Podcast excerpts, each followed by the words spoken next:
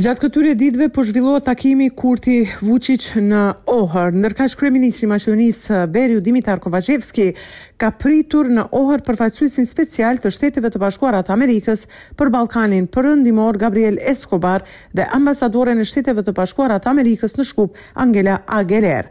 Në takimin e realizuar, kryeministri shoqërohej nga zëvendëskryeministri për Çështje Europiane, Bojan Mariçiç dhe ministri i Punëve të Jashtme Bujar Osmani. Kryeministri Kovaçevski, siç njoftohet, ka theksuar mbështetjen e Qeverisë së Republikës së Maqedonisë së Veriut në dialogun në mes të Beogradit dhe Prishtinës në drejtim të përcaktimit të plotë të rrugës për normalizimin e marrëdhënieve në mes të Kosovës dhe Serbisë.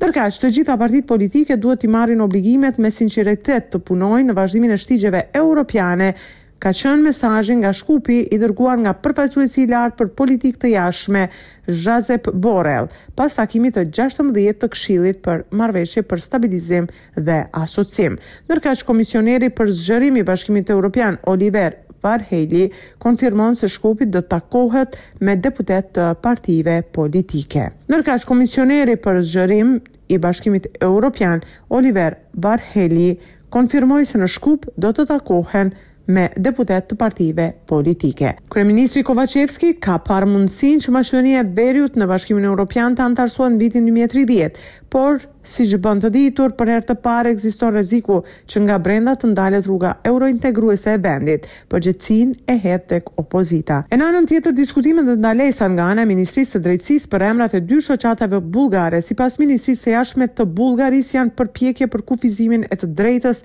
për bashkimin e bullgarëve në Maqedoninë e Veriut. Sofja me shqetësim ndjek zhvillimet pasi Komisioni për Përdorimin e Emrave Personalë dha mendim negativ për përdorimin e emrit Ivan Mihajlov nga ana e një shoqate bullgare në Manastir. Sipas tyre, qëllimi i ndryshimeve të ligjit për shoqata dhe fondacione është fshirja nga regjistri qendror i organizatave bullgare. Ngjarjet që po ndodhin edhe një herë dëshmojnë nevojën që të arrihet interpretimi objektiv i ngjarjeve dhe personaliteteve historike nga historia e përbashkët Bullgari, Republikë e Maqedonisë së Veriut.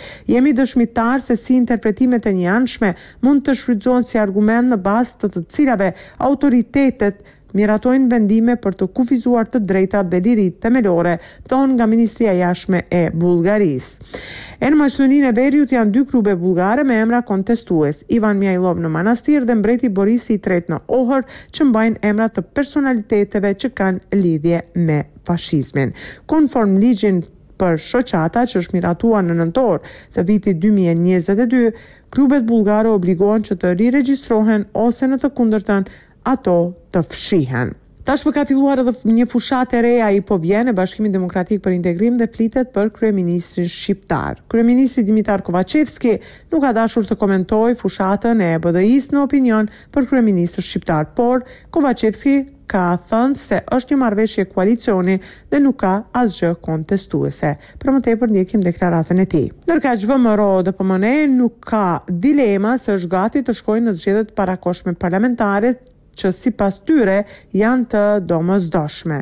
Mickoski ka komentuar deklaratat e zyrtarëve të BDI-së Bujar Osmani dhe Artan Grubi për kryeministrin shqiptar. Për më tepër ndjekim deklaratën. Është shënuar edhe njëzet e dy vjetori i fillimit të luftës në Maqedoninë e Veriut me një manifestim në organizimin e quajtur Pranvera e Dinjitetit.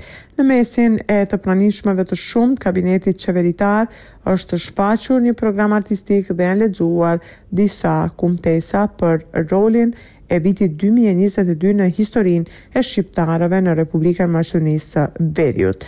I pranishëm në këtë manifestim ishte vetë lideri Ali Ahmeti, i cili pati fjalim, ndërkaq nga pikat e zgjedhuar ndërkaq nga pikat e zgjedhura artistike ishin ato nga Ansambli Popullor i Këngëve e Valleve ndërkaq nga pikat e zgjedhura artistike ishin ato nga Ansambli Shtetëror i Këngëve e Valleve Popullore Shqipe.